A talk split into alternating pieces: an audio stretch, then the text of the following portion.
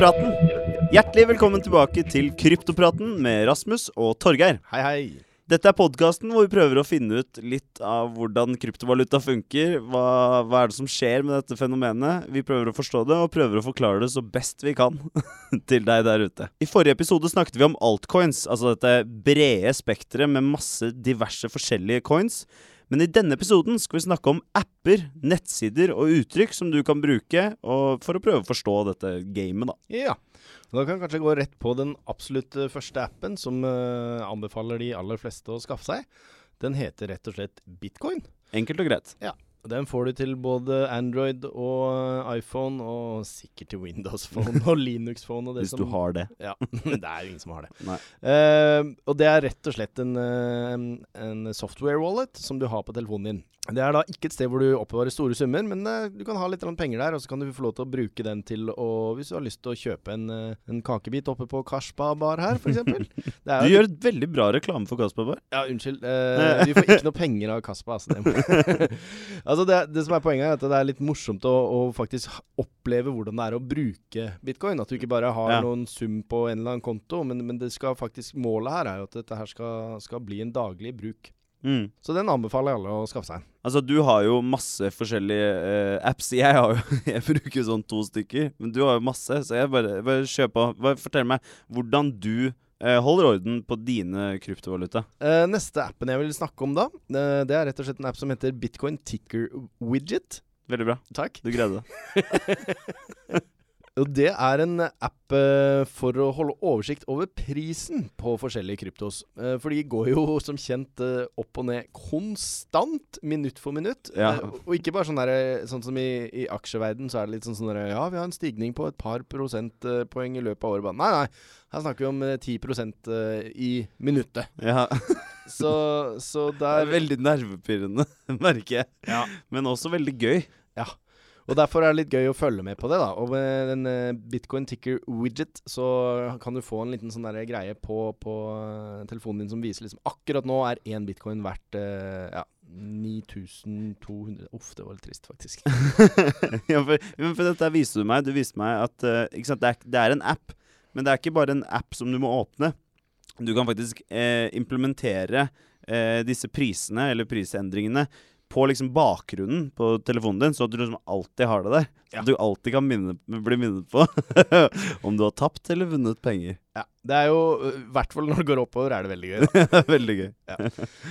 En, eh, og denne bitcoin ticker widget Den holder da bare styr på prisen generelt. Men en annen ting som kan være veldig kjekt å vite, er jo hvor mye penger har faktisk du? Hvor mye er dine kryptocoins verdt?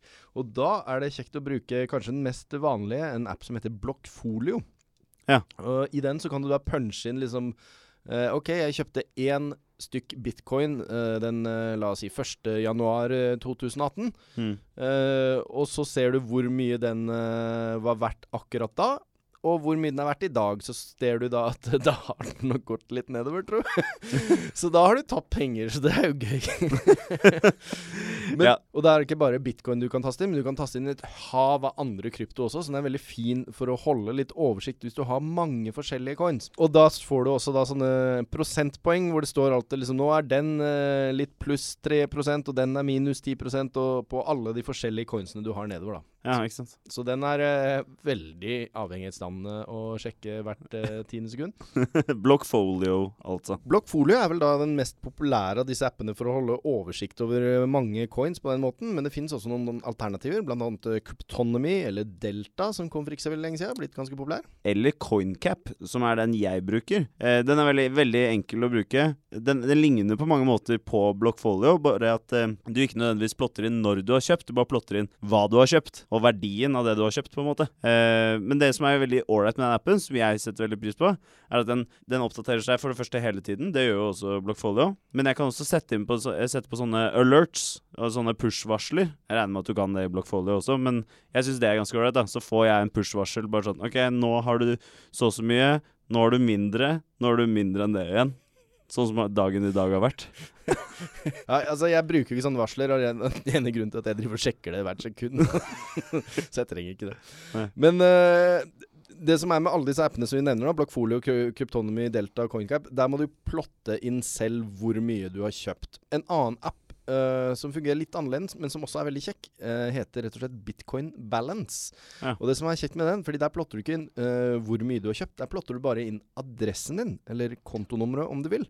Og så tar denne appen selv og, og sjekker opp hvor mye bitcoin er det, eller hos Litecoin eller Ethereum er det på akkurat den adressen. Så da kan du holde oversikt og f.eks. passe på at pengene ikke har forsvunnet, ikke blitt hacka. Ja, ikke sant? For Det har vi prata om før, at uh, inn på blockchain.info så kan man liksom se hvor alle penger er på hvilken adresse og sånn. Så den leser da disse adressene, og som, sånn at du ikke, ikke bare vet hvor mye du har, men du vet også på Hvis du har flere wallets på forskjellige adresser, så vet du også hvor mye du har på hver av de adressene.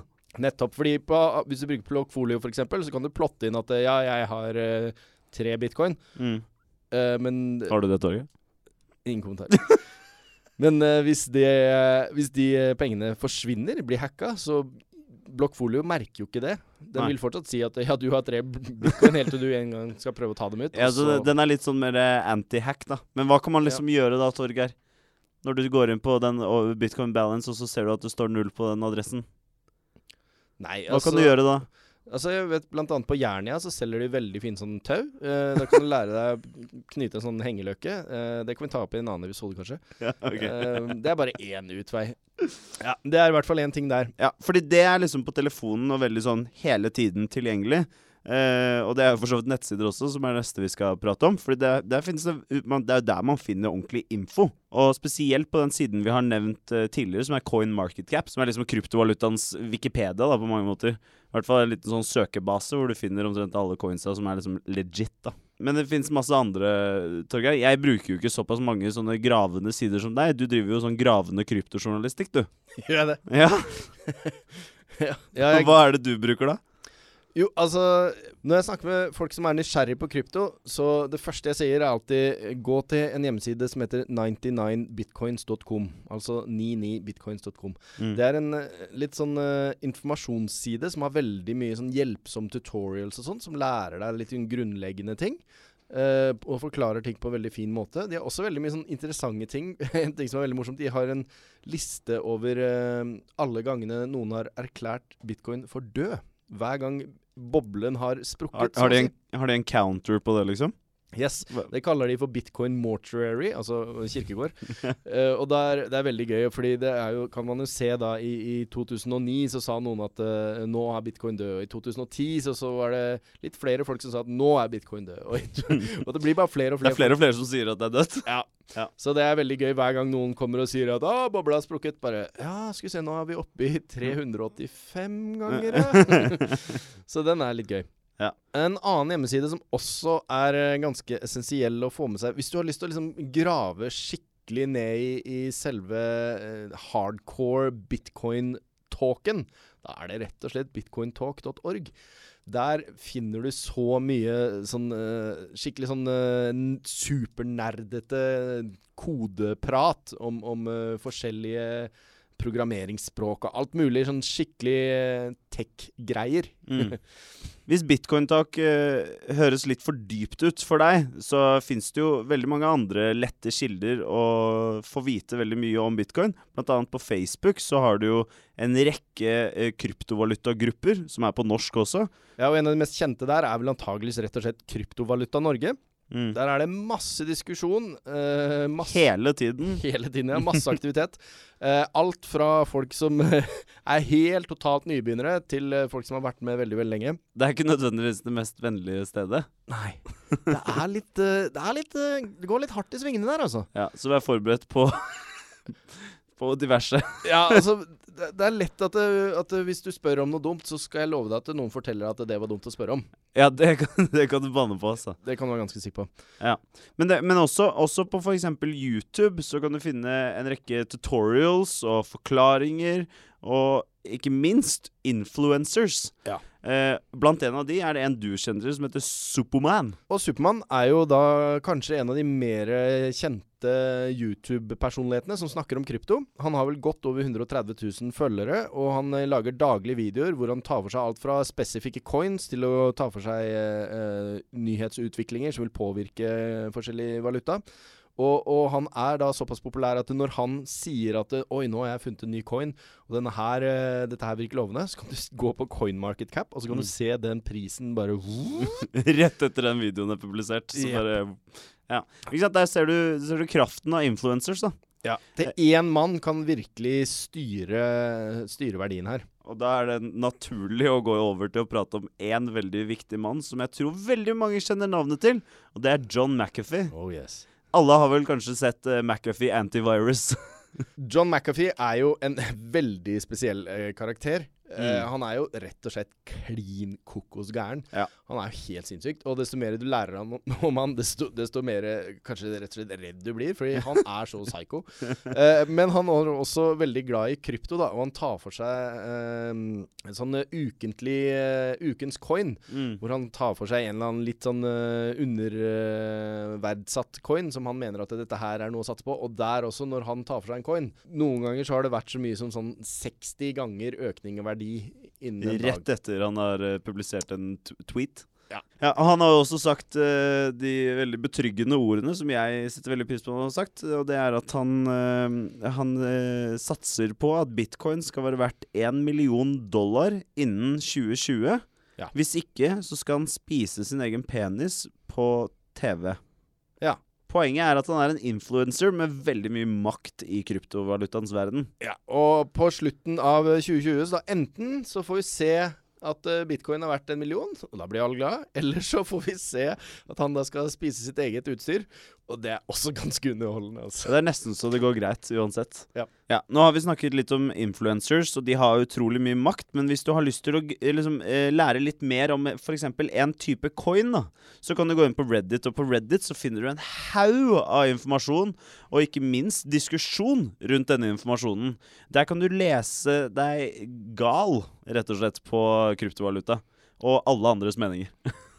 Og den er veldig verdifull nettopp fordi at det, det kommer så mye nyheter hele tida, og så er det noen som påstår noe, og så noen som påstår noe annet, og noen sier at dette er positivt, og noen sier nei, det her er jo kjempenegativt. Og det, du blir helt overvelda, og det er liksom Hva betyr alt det her, da? Og da kan det være kjekt å gå på Reddit, og, og kanskje til og med finne den spesifikke subredditen til Hvis noen diskuterer, la oss si, Litecoin, da. Da går du inn på Litecoin-subredditen, og da finner du en debatt om akkurat den siste nyheten. Og, og så får du litt flere synspunkt av folk som er litt smartere enn eh, meg og deg og de fleste andre. Liker å tro det, i hvert fall. Ja. Uh, og det er bare kjekt å få litt flere input, og se ting fra litt flere synspunkt. En siste ting jeg har lyst til at vi skal gå gjennom eh, sånn med tanke på nettsider og tjenester og sånn, det er den du nevnte for meg, som heter discordapp.com. Og Pump and Dump. Ja, altså Nå er vi inne på kryptoens uh, litt uh, lugubre side, kan jeg kanskje si. Altså, Inne på discorden så er det jo da Har du egne debattgrupper, litt sånn som på Reddit, men de har spesifisert seg til å manipulere markedet. Ja. Så da har du altså flere titusen mennesker som sitter i en gruppe, og så sier, blir de alle enige om at eh, hei, fredag klokka tolv så skal alle sammen kjøpe akkurat den coinen der. Og når alle gjør det, så går den prisen opp, og så øh, da vil flere kaste seg på hjulet, for da stiger den. Og så blir de enige om at ja, tirsdag klokka fire, så selger vi en. Og sånn sitter de da og såkalt pump and dump hele tida. Mm, tjener litt penger på det. Hva, hva, hva loven sier om det der, det vet jeg ikke helt, ass. Men det er Kryptovaluta, så det er ingen lover. That's crypto! ja, ok, så det er pump and dump, og det er jo et av mange begreper eh, innenfor kryptovalutaens eh, univers.